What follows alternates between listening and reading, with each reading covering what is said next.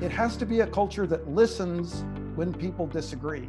It has to be a culture which tolerates some disagreement because the, the thing that kills innovation is too much consensus and then too much uh, arrogance. What we need is both humility and disagreement and a willingness to try many things.